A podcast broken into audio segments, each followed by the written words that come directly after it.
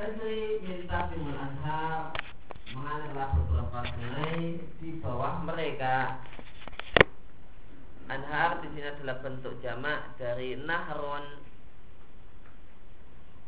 Di sini Allah katakan di bawah mereka terdapat beberapa sungai. Berapa tepatnya? Jawabannya ada empat jenis sungai. Bagaimana yang Allah ceritakan di surat Muhammad ayat yang ke-15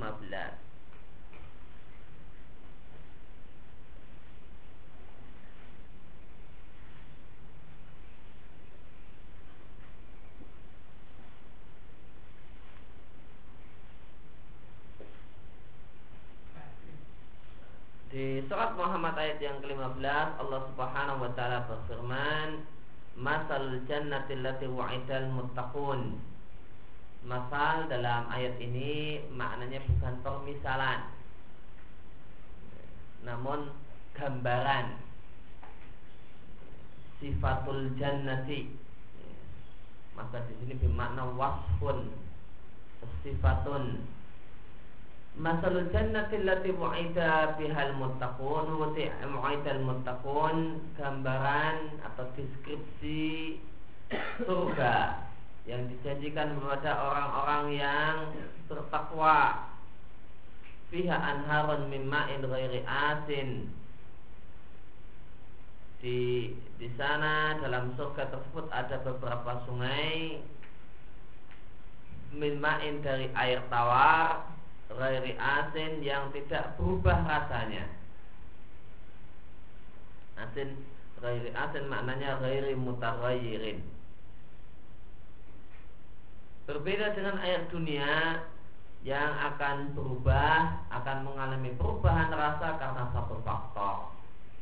Ya, lama didiamkan kalau air di dunia seminggu ya, rasanya lain. Namun air, e, namun air tawar surga mau didiamkan berapapun lama tidak akan mengubah rasanya. Kemudian yang kedua adalah wa anharun min labanin lam yataghayyar ta'muhu. Dan ada beberapa sungai dari susu yang rasanya tidak berubah, berbeda dengan susu dunia. Kalau susu dunia eh, sudah dibuat atau sudah ini misalnya susu asli dari sapi misalnya dibiarkan nggak lama bertahan itu nanti akan rusak. Kemudian yang ketiga adalah wa anharun min khamrin lazzatin dan beberapa sungai berisi khamar lazatin yang nikmat tidak sebagaimana khamar dunia yang bikin pusing. Li nikmat bagi orang-orang yang meminumnya Berbeda dengan khamr dunia karena khamr dunia itu baunya tidak enak ketika diminum. Wa anharun min asalin musofa dan yang keempat adalah sungai berupa madu yang sudah disaring. Berbeda dengan madu dunia karena madu dunia itu keluar dari e, perut lebah maka tercampur dengan malam tercampur dengan lilin atau semisalnya. Namun kalau madu e, madu akhirat sudah disaring, sudah murni cuma madu saja. Dalam surat Al-Kahfi ayat 31 ini Allah katakan bahasanya surga itu di bawah penghuni surga. Dalam ayat yang lain Nah, tahtahum tanpa min. E, di ayat yang lain minta tiha di bawahnya surga. Sungai surga itu di bawahnya surga.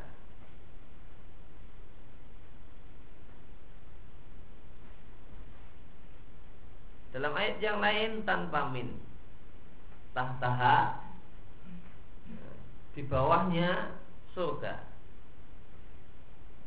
Empat kalimat ini maknanya sama. Li'anam idza kanat al-anhar karena jika sungai-sungai surga itu mengalir di bawah pohon-pohon surga dan di bawah eh, istana-istana yang ada di surga maka berarti sungai-sungai ini mengalir di bawah penghuni surga yuhallawna fiha min asawira. Mereka diberi perhiasan di surga berupa gelang-gelang yang terbuat dari emas. Min asawira di sini apa makna min di sini? Ada sebagian orang yang mengatakannya adalah tambahan apa yang tidak punya makna. Nah, sebagaimana dalam ayat yang lain hulu asawira min fiddah. Mereka diberi gelang dari perak maka min dianggap sebagai tambahan akan tapi ini adalah e, penafsiran atau pendapat yang lemah karena dalam bahasa Arab min tidaklah ditambahkan untuk kalimat positif. Bagaimana kata Ibnu Malik dalam Alfiyah Fazida finafin wasibhihi dan min itu ditambahkan untuk nafi atau serupa dengan nafi secara nakiratan maka jadikanlah nakirah yang ada setelah min kama libarin eh, min mafarin. Sebagaimana kalimat malibarin min mafarin. Tidaklah bagi uh, orang yang melampaui batas orang yang sombong tempat untuk berlari menghindar dari hukuman maka min cuma ditambahkan untuk nafi dan serupanya tidak ditambahkan dalam kalimat positif.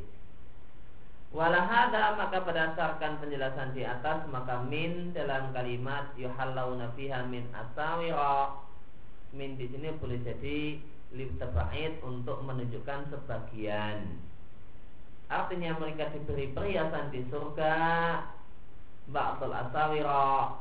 Ya, sedikit gelang Artinya masing-masing penghuni surga diberi perhiasan syai'an sedikit min hadil asawir dari gelang-gelang ini. Maka jika demikian maknanya maka tidak ada kerancuan. Kemungkinan makna kedua yang lebih tep, yang tepat adalah min di sini lil bayan artinya min yang bermakna yaitu Artinya menjelaskan e, perhiasan yang mereka pakai Yaitu gelang-gelang Bukan kalung, bukan anting-anting misalnya. Sehingga maknanya mereka diberi perhiasan di dalam surga min yaitu asawira berupa gelang-gelang min dahabin yang terbuat dari emas Sedangkan min dahabin min di sini jelas lil bayan yaitu menjelaskan gelang-gelang yang dipakai oleh penghuni surga adalah gelang-gelang yang terbuat dari emas. Akan tapi jangan pernah engkau sangka emas yang ada di surga sebagai mana emas di dunia e, karena terdapat perbedaan yang sangat-sangat besar di antara keduanya. Sebagaimana yang Allah firmankan dalam hadis kursi yang diatkan oleh Bukhari dan Muslim ada tuli ibadah salihin telah persiapkan untuk hamba-hambaku yang saleh hamba-hambaku yang bertakwa satu kenikmatan yang belum pernah dilihat oleh mata belum pernah terdengar telinga dan belum pernah terlintas di hati manusia. Seandainya emas tersebut bagaimana emas dunia Tentu berarti mata pernah melihatnya. Wel basuna siapan khutra dan mereka memakai pakaian yang berwarna hijau terbuat dari sundus wa istabrak nah, sutra dan sutra. Sundus adalah maraka minal jibad adalah sutra yang halus. Sedangkan istabrak adalah sutra yang kasar. Khudran pakaian penghuni surga itu berwarna hijau Kenapa Allah pilih warna hijau untuk penghuni surga? Li'annahu asad li'annahu asatu ma yakunu rahatan lil ain. Karena warna hijau itu enak dipandang mata. Sejuk dipandang oleh mata. Oleh karena itu mata itu suka memandang kehijau-hijauan sawah yang menghijau eh, pemandangan yang menghijau bahkan ada orang yang eh, rela untuk menempuh jarak yang jauh cuma apa mau lihat sawah Kenapa? Karena hidup di kota nggak pernah lihat hijau-hijau ya. Sampai wisata, wisata ke mana? Memandangi sawah yang hijau Memandangi pemandangan pegunungan yang hijau. Maka mata manusia senang dengan memandang warna hijau Fa uh, lil ain lebih itu nikmat lebih menyenangkan mata. Maka dengan warna hijau maka fihi jamal wa fihi rahatunil ain. Maka warna hijau ini dipilih karena uh, indah dan uh, rahatunil ain lebih nikmat lebih terasa nikmat bagi mata yang memandang warna tersebut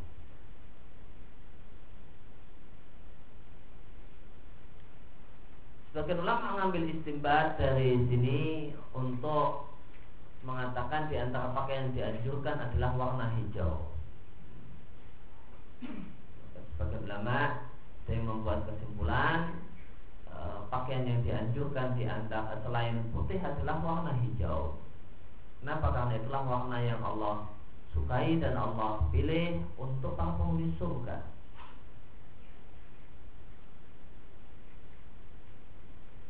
Muttaqiina fiha 'alal araik mereka bertelekan, mereka bersandaran di surga di atas dipan-dipan.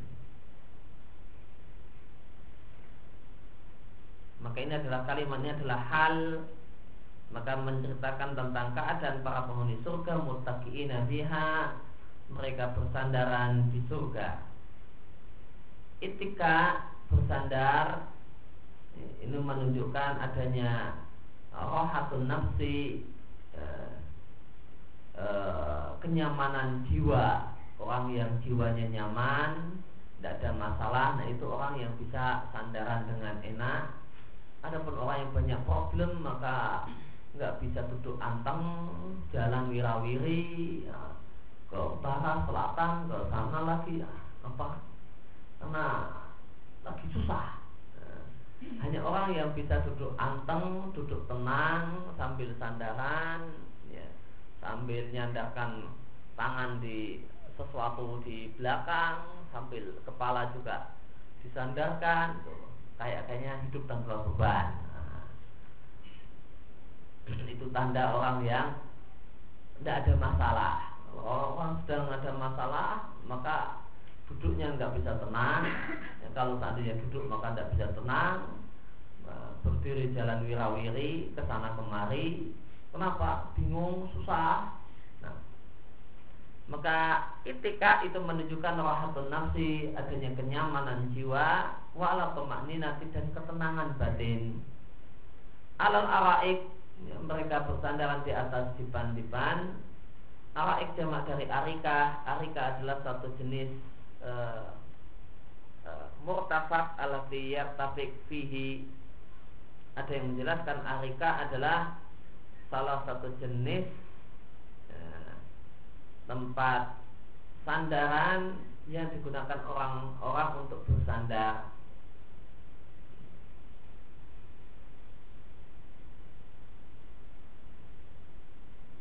Di antara kesukaan orang Arab itu adalah e, mereka kalau duduk santai maka mereka di antara bahkan ini satu hal yang menjadi bagian dari kesempurnaan hidup mereka. Mereka pergi jauh bahkan kadang-kadang e, tempat sandarannya itu di bawah. Mereka punya punya sejenis kotak segi empat ya kotak e, dari bahan dari yang agak empuk gabus atau apa. Kalau kemudian kalau mereka duduk nah, mereka e, bersantai maka itu nanti ditaruh e, kotak tersebut nanti ditaruh sebelah kanan mereka ini untuk sandaran tangan. Nah, ini ada satu kotak segi empat ya agak agak tinggi dikit kurang lebih se apa ya? Ini kesukaan orang Arab sampai-sampai kalau mereka sebagian uh, sebagai orang Arab uh, sampai ke Indonesia yang bawa itu karena di Indonesia nggak ada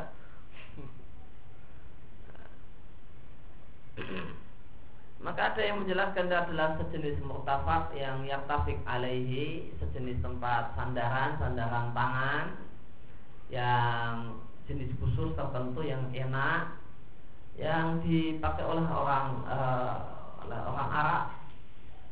Mungkin dan ada yang menjelaskan bahasanya arika adalah sarir, dipan. Nah, ini tadi uh, yang kita pakai untuk terjemah. Inan arika sarirun fil khaymah saghira.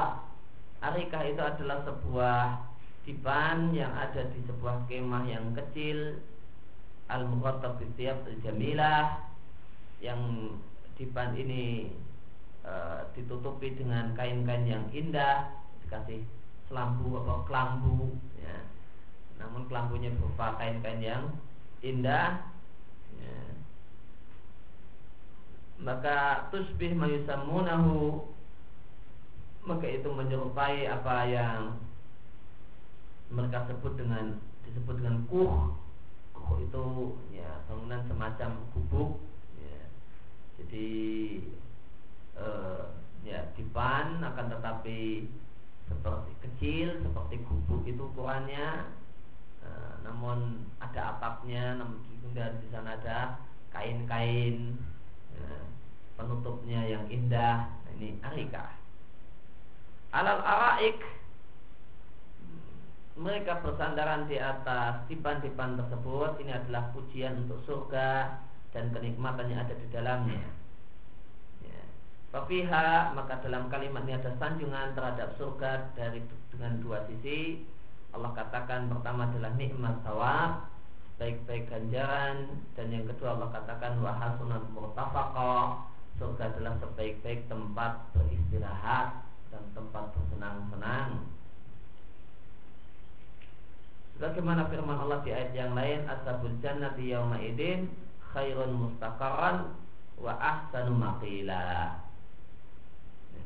Maka penghuni surga yang idin pada hari itu ya, khairun mustaqarran mereka uh, berada dalam sebaik-baik mustaqarran tempat tinggal, tempat yang menetap, yang tidak pindah-pindah, wa ahsanu dan tempat beristirahat.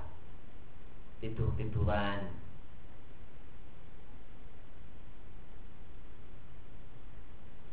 Kalau yakinu maknanya tidur. Ya. Namun tentu bagaimana diketahui bahasanya di surga tidak ada tidur. Waktu lahum matala rajulaini ja'alna li ahadihim jannatain. Ya, setelah Allah membahas tentang neraka dan surga, maka Allah berpindah kepada uh, kisah yang disebut dengan kisah ashabul jannah. Ya. Wabillahum matala rajulaini ja'alna li ahadihima dan buatkanlah untuk mereka permisalan tentang dua orang yang kami berikan untuk salah satu dari mereka dua kebun min anabin yang ber, yang berisi anggur. Wahafafnahuma dan kami kelilingi kebun anggur ini binahlin dengan kebun korma. Waja'alna bainahuma dan kami jadikan di antara keduanya di antara keduanya zar'an terdapat tanam-tanaman yang kecil-kecil zar'an itu ya semisal padi, jagung atau yang lainnya. Wadrib di sini maknanya ija'al wasayir buatkanlah untuk mereka yaitu orang-orang kafir Quraisy atau selain mereka masalah permisalan yaitu dua orang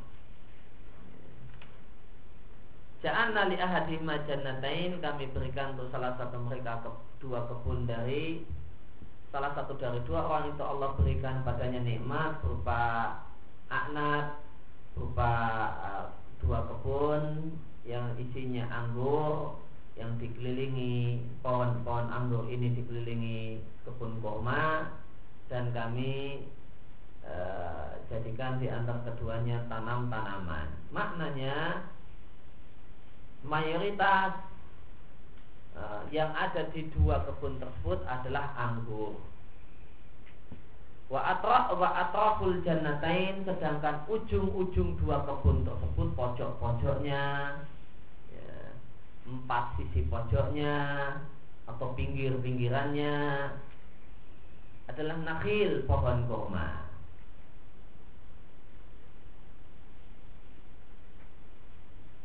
Wama bainahuma dan di antara keduanya terdapat tanam-tanaman ya, jagung atau semisalnya. Artinya dalam dua kebun ini terdapat buah-buahan wal dan terdapat makanan pokok. Nah, makanan yang mengenyangkan berupa biji-bijian.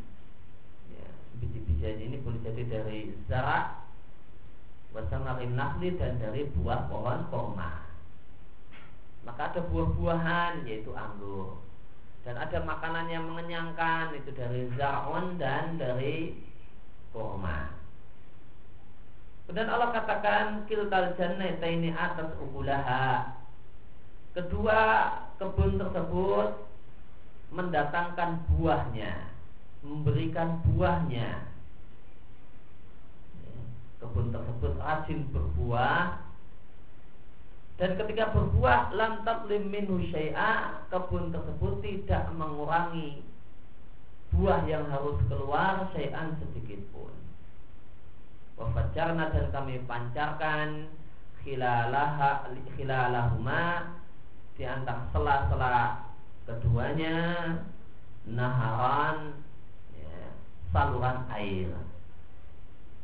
Gak mesti harus diartikan sungai nanti kalau sungai harus maknanya dibayangkan lebar. Enggak, enggak ya.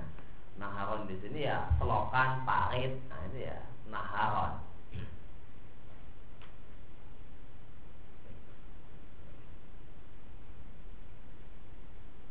Kiltal jannata ini atas ukulaha Di sini Allah tidak mengatakan atasa ukulaha Namun atas ukulaha pada kilta, kilta musanna. Maka jawabannya karena diperbolehkan untuk uh, ketika ada kilta maka boleh melihat lafaz dan boleh melihat makna dalam kilta. Kalau melihat lafaz maka kita katakan atata. Namun kalau melihat e, kalau melihat makna maka atata. Kalau melihat lafaz atas sudah cukup.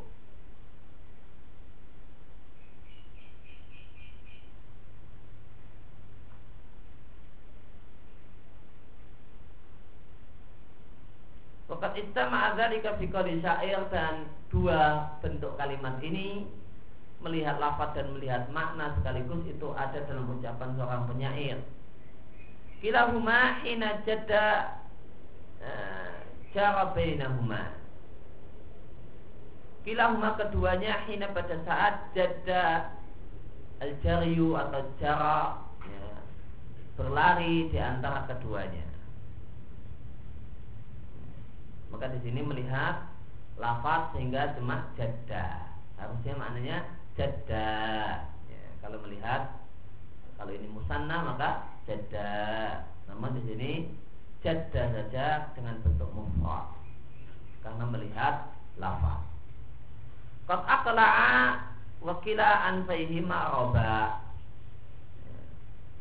Maka keduanya telah mencabut, telah meninggalkan karena telah berlari maka ada dua orang yang berlari maka ketika larinya itu sudah kencang maka kot maka mereka telah meninggalkan uh, tempat yang ditinggalkan wakilaan bayhima roba dan uh, hidung keduanya itu berkembang menjadi besar karena ngos-ngosan ya, setelah lari kencang.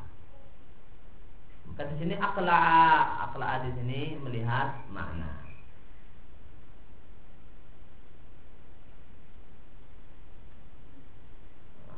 Yusir ila farasain Penyair di sini menceritakan dua ekor kuda yang saling berlomba. Fayaqul maka penyair mengatakan kedua kuda tersebut yaitu kedua kuda hina jadajar yubainahuma ketika sudah berlari dengan demikian kencang dalam perlombaan ya, Qad aqla'a Akla'a di sini kata Muslimin maknanya tawakofa anil mujarati. Ya. Maka telah oh bukan meninggalkan tempat, namun tawakofa keduanya berhenti ya, anil mujarati untuk uh, uh, untuk berjalan berseiringan. Kalau larinya sudah sungguh-sungguh, ya, maka keduanya meninggalkan yang lain atau meninggalkan ya satunya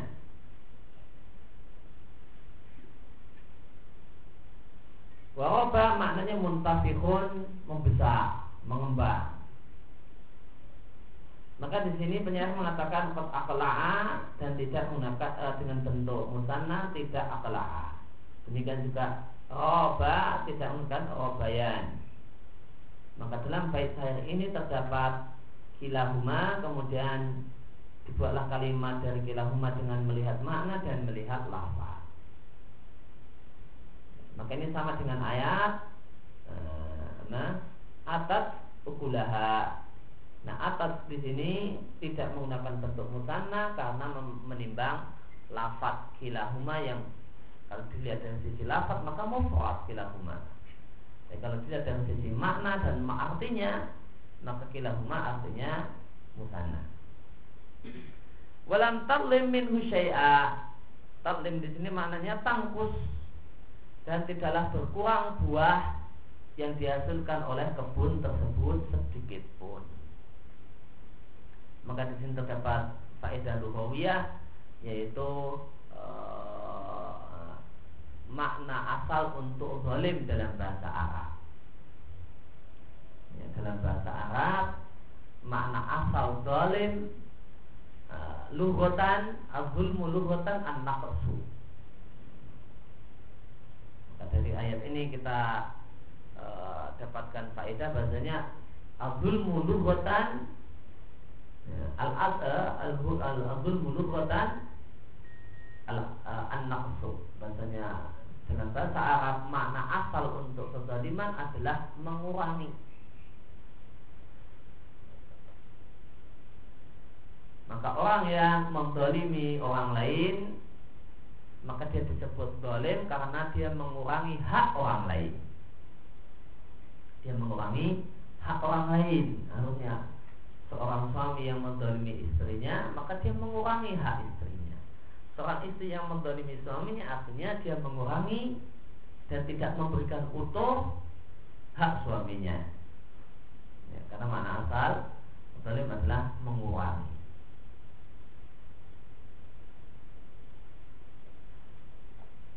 Wafajarna dan kami pancarkan khilalahuma di sela-sela dua kebun tersebut naharan saluran alit air. Artinya di sela-sela dua kebun tersebut terhadap saluran air minal ma berisi air yang mengalir dengan kencang. Maka dalam dua kebun ini terdapat kulumukawimat segala faktor pendukung kehidupan orang itu akan hidup dengan baik dan sempurna ketika dia punya anak ya punya anggur ya ada buah-buahan ada nakhil wazara ya, ada makanan yang mengenyangkan ya. kemudian ada ada juga air ya, yang air ini mengalir dengan mutaradah mengalir dengan demikian deras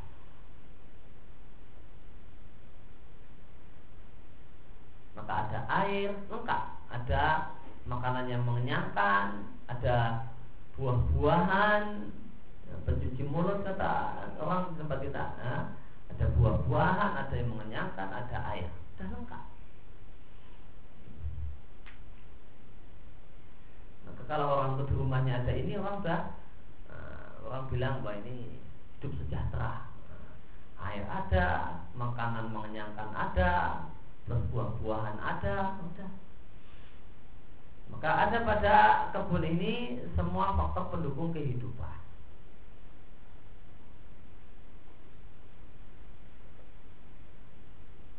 Maka air di, sal, uh, di saluran air kebun tersebut demikian kencang sampai Allah menyebutnya dengan memancar, wafajarna dan kali pancarkan.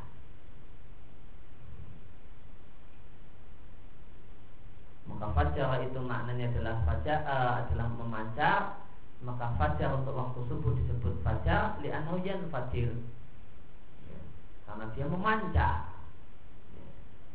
artinya e, begitu muncul maka dia akan segera tersebar. Seperti pancaran nah, air memancar begitu uh, memancar air misalnya. Orang dari sumur maka setelah ketemu tuk nah, maka memancarlah air maka dalam waktu cepat air sudah banyak.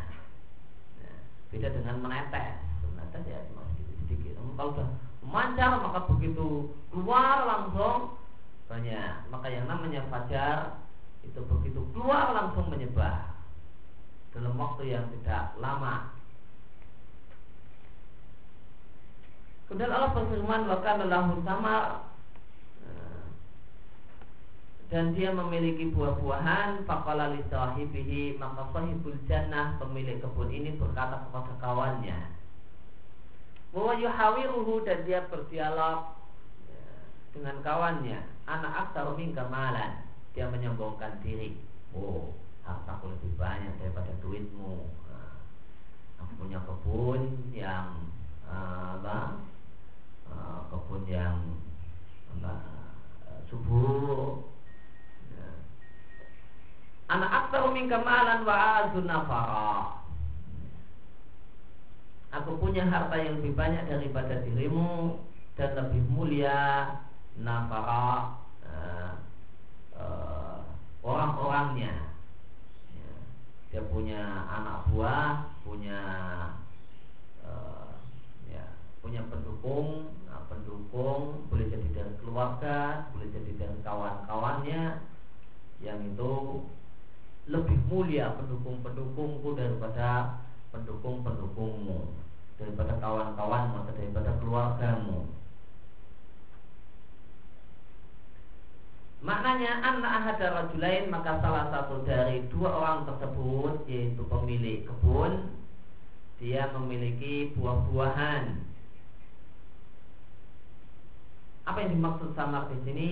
E, seakan-akan dia memiliki buah-buahan yang lebih banyak uh, daripada jannatain dari dua kebun uh, tersebut atau buah-buahan yang demikian banyak dari uh, dua kebun tersebut. Maka samar di sini nakirah li ta'zim. Maka dia memiliki buah-buahan yang banyak. Faqala li sahibi kemudian dia berkata menyombongkan diri kepada kawannya. Dan keduanya sedang berdialog. Yang keduanya sedang saling tarik menarik e, dalam berkata-kata maksudnya dialog. Dia mengatakan anak akbar minka mala wa maka orang ini menyombongkan diri dengan dua hal. Pertama dia menyombongkan diri dengan banyaknya hartanya.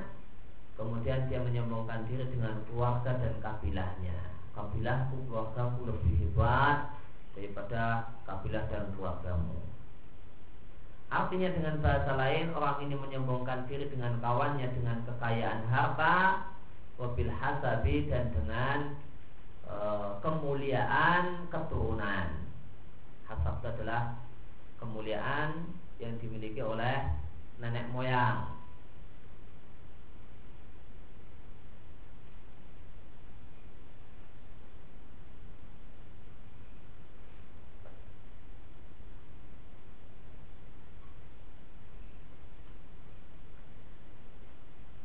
dia ucapkan kalimat tersebut istikharan karena menyombongkan diri dan bukan karena tahadusan binikmatillah. Bukan karena menceritakan nikmat Allah. Apa dalilnya kalau dia sombong? Dalilnya adalah hukuman yang akan terjadi yang akan dia alami. Dan dua hal ini mirip. Menyombongkan diri dan tahadus binikmatillah itu mirip Tahadus bin nikmatillah menceritakan nikmat Allah diperintahkan. Lebih nikmati rabbika fahadis. Tahadusan bin nikmatillah itu diperintahkan. Menyembuhkan diri terlarang. Umum sombong ya, terlarang. Apa beda keduanya? Tipis. Niat. Sikon. Itu yang membedakan. Ya. Maka jika seorang itu uh, Boleh jadi dia menceritakan kelebihan yang Allah berikan padanya dengan tujuan untuk menyemangati orang. Nah, ini tahadus matilah. Dia memotivasi orang, maka dia menceritakan bagaimanakah e, kerajinannya dalam belajar untuk memotivasi yang lain. Maka ini tahadus matilah. Nah, jika orang terus uh, menyampaikan apa uh, dia menceritakan kelebihannya dalam masalah belajar, dalam rangka untuk merendahkan orang lain maka ini sombong maka ini istighfar ini menyembuhkan diri yang terlarang. Maka mirip dua hal tersebut. Maka orang yang me, uh, menceritakan nikmat Allah Alhamdulillah Allah berikan uh, kami uh, kelapangan rezeki sehingga ya, bisa ini begini dan begitu. Maka ini bisa tahadus binikmatillah Nah jika kalimatnya itu untuk merendahkan orang lain Maka ini iftikhar Maka ini sombong. Nah, Maka yang satu boleh dan satu terlarang Bedanya dalam niat Dan bedanya dalam konteks kalimat. Nah.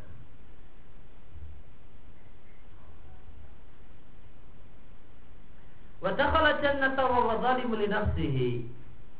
Maka si pemilik Sahibul jannah pemilik kebun tadi masuk ke dalam kebunnya dalam keadaan dia menzalimi dirinya sendiri.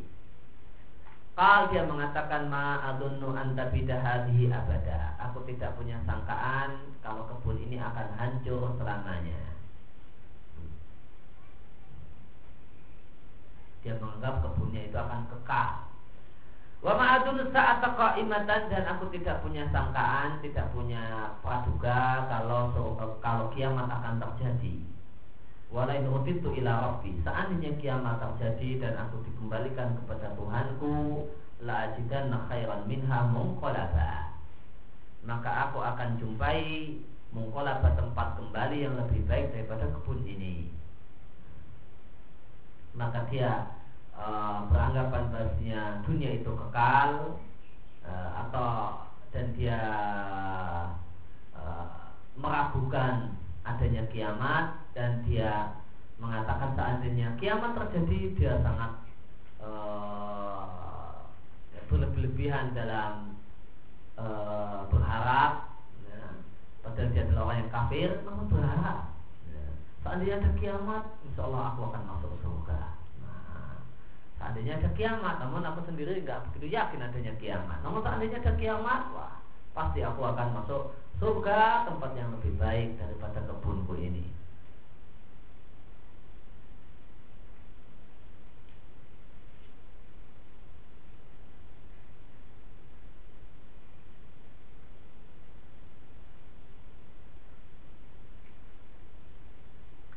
Wa jannatahu di sini Allah menggunakan bentuk mufrad takhala jannatahu.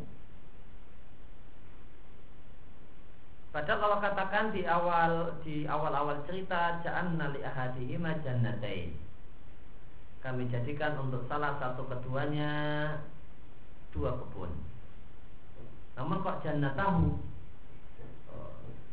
Kok cuma satu kebun saja yang dimasuki katanya jannatain di di apa bukan katanya namun di awal uh, di awal kita Allah katakan dia ini punya dua kebun kenapa di sini watakhala jannatahu tidak watakhala jannataihi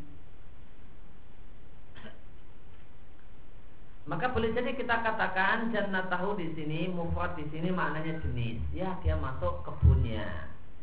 Ya dua-duanya dia masuki. Boleh juga kita maknai dia memasuki salah satu salah satu dari dua kebunnya. Yaitu kebunnya yang paling besar. Itulah yang dia masuki.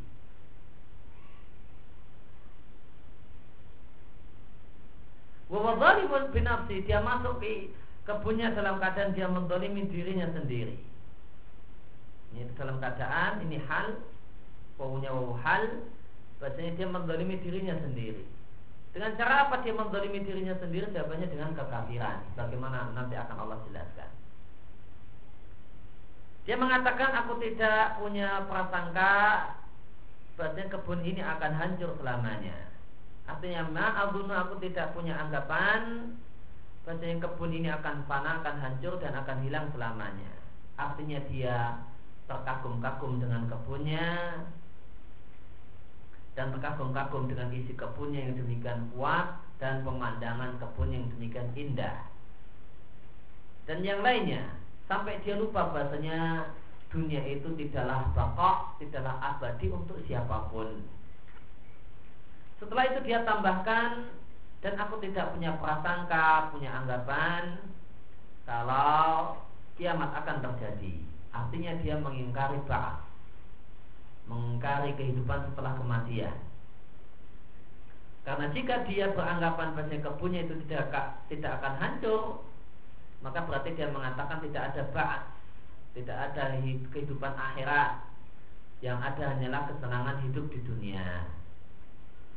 Walau itu maka seandainya aku dikembalikan kepada Tuhanku yaitu kiamat terjadi yakni ala fardi seandainya diandaikan fardi di sini artinya pengandian seandainya terjadi kiamat dan aku dikembalikan kepada Allah niscaya aku akan jumpai mungkolaban mungkolaban maknanya marjian tempat kembali yang lebih baik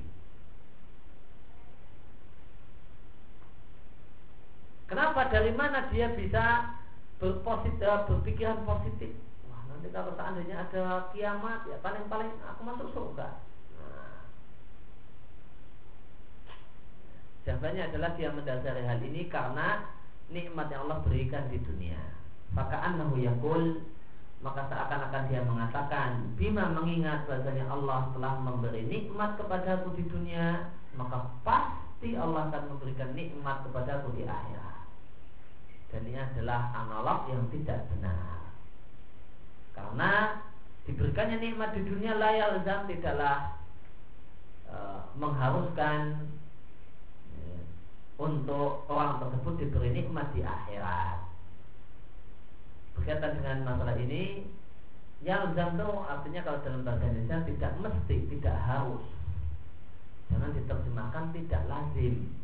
Karena lazim dalam bahasa Indonesia artinya biasa. Ya ini tidak lazim.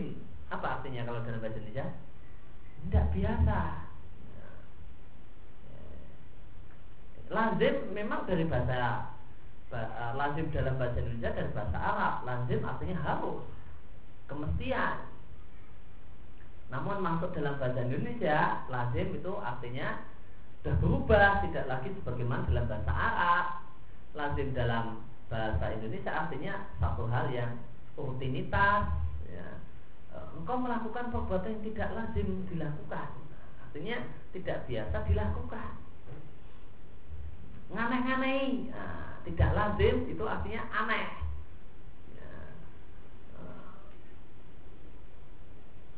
maka jangan diterjemahkan dengan lazim ini jangan diterjemahkan tanpa diterjemahkan. Ya, diterjemahkan dalam bahasa Indonesia namun masih menggunakan bahasa e, tidak lazim. Padahal lazim di sini maknanya beda. Jangan diterjemahkan tidaklah diberi nikmat di dunia itu e, diberikannya nikmat di dunia tidak melazimkan orang tersebut untuk diberi nikmat di akhirat. Ini orang orang orang yang baca bingung. Kalau dia cuma e, pembaca bahasa Indonesia asli ya bingung. Tidak melazimkan diberi nikmat di akhirat. Apa maksudnya? Tidak biasa karena tidak lazim itu tidak biasa dalam bahasa Indonesia. Ini banyak sekali terjemahan yang salah untuk menerjemahkan lazim. Sangat banyak sekali uh, saya jumpai orang menerjemahkan lazim dalam bahasa Arab dengan langsung lazim gitu saja dalam bahasa Indonesia. Ditulis lazim dalam dengan tulisan Latin dalam bahasa Indonesia. Ini salah uh, kesalahan fatal karena maknanya beda. Ya, tidak lazim dalam bahasa Indonesia artinya tidak biasa, artinya aneh. Hari ini kau melakukan satu hal yang tidak lazim biasa kau, uh, tidak lazim kau lakukan. Artinya hari ini engkau melakukan sesuatu hal yang tidak biasanya kau kerjakan. Ya. Hmm. Maka yang tepat diterjemahkan dengan tidak mesti, tidak mengharuskan dan seterusnya. Maka diberi nikmat di dunia tidaklah mesti, tidaklah mengharuskan orang yang akan diberi nikmat di akhirat.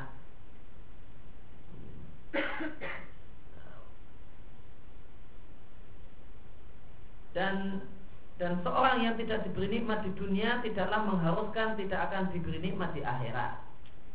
La talazuma, jangan diartikan tidak ada kelaziman.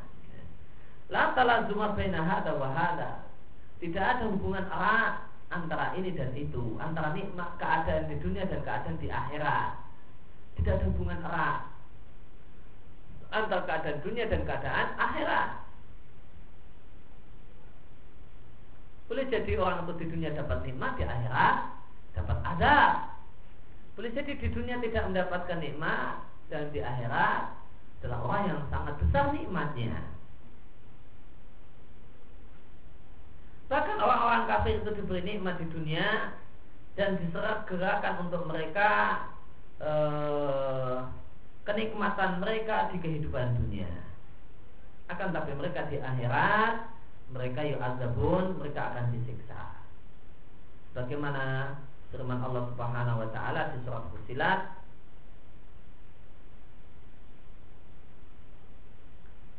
Layat amu al insanu min du'a'i ghairi wa in masau syarru faya'usum kanuta.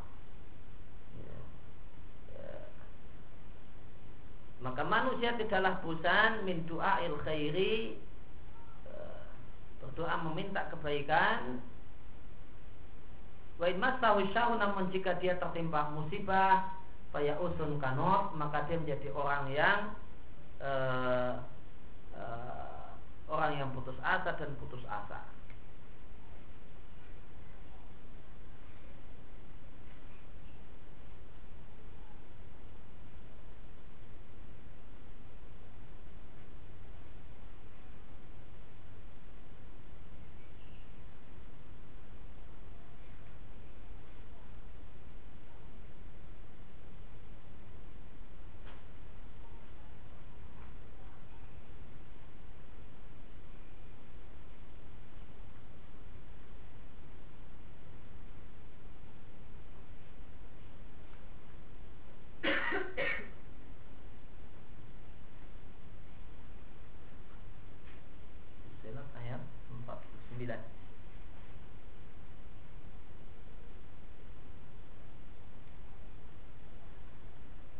Layas amul insan min du'ail khairi. Maknanya adalah manusia tidaklah henti-henti meminta kepada Allah Minta uh, uang, minta harta, kesehatan dan yang lainnya. Dan jika dia tertimpa kesusahan, kemiskinan, kesusahan, paya usung kano Maka dia adalah putus asa dan putus asa Dari rahmat Allah subhanahu wa ta'ala. Walain dan sungguh jika ada kenahu Yaitu kami timpakan, kami rasakan badannya rahmatan kasih sayang yaitu hinan wasihatan itu kekayaan dan kesehatan. Minna dari kami mimba didara setelah dia susah setelah kesusahan masa itu menimpanya laikulanna hadali maka manusia tersebut mengatakan hadali ini adalah karena jerih payahku Wa ma'adun sa'ata qa'imatan dan aku tidak punya anggapan kalau kiamat akan terjadi walain rujitu ila rabbi seandainya aku dikembalikan kepada Rabbku innali indahu lal husna sungguh ada kebaikan yaitu surga indahu di sisi Allah untukku. Maka firman Allah di surat Fusilat ini 4950 sangat persis dengan apa yang Allah firmankan di surat Kahfi. Hada mislu hada. Maka apa yang dikatakan e, di surat Kahfi ini sangat mirip dengan apa yang Allah firmankan di surat Fusilat. Maka di sini terdapat satu kaidah yang tidak benar yang dianut oleh sebagian orang bahwasanya sebagian orang punya kaidah nikmat di dunia itu dianggap adalah tanda cinta Allah. Sebagian orang beranggapan nikmat di dunia adalah tanda cinta Allah. Maka orang yang diberi nikmat di dunia adalah orang yang Allah cintai. Jika orang yang Allah beri nikmat di dunia pasti akan Allah beri nikmat di akhirat. Kenapa? Uh, dia bisa memastikan demikian karena dia beranggapan bahwa nikmat di dunia adalah tanda cinta Allah. Allah berikan padaku kenikmatan, kesehatan, kekayaan Ini berarti aku adalah orang yang Allah cintai Jika aku adalah orang yang Allah cintai ya, Maka seandainya aku mati Seandainya ada kiamat Tentu aku adalah orang yang akan Allah masukkan dalam surga Ini kaidah yang tidak benar uh, Yang benar nikmat di dunia ya, Harta, kekayaan, kedudukan yang lainnya Itu bukanlah tanda cinta Allah karena harta ini Allah berikan pada orang yang beriman dan orang kafir. Semuanya Allah beri harta. Semuanya Allah beri harta. Maka itu tidaklah dalil dan bukti kalau Allah mencintai seseorang.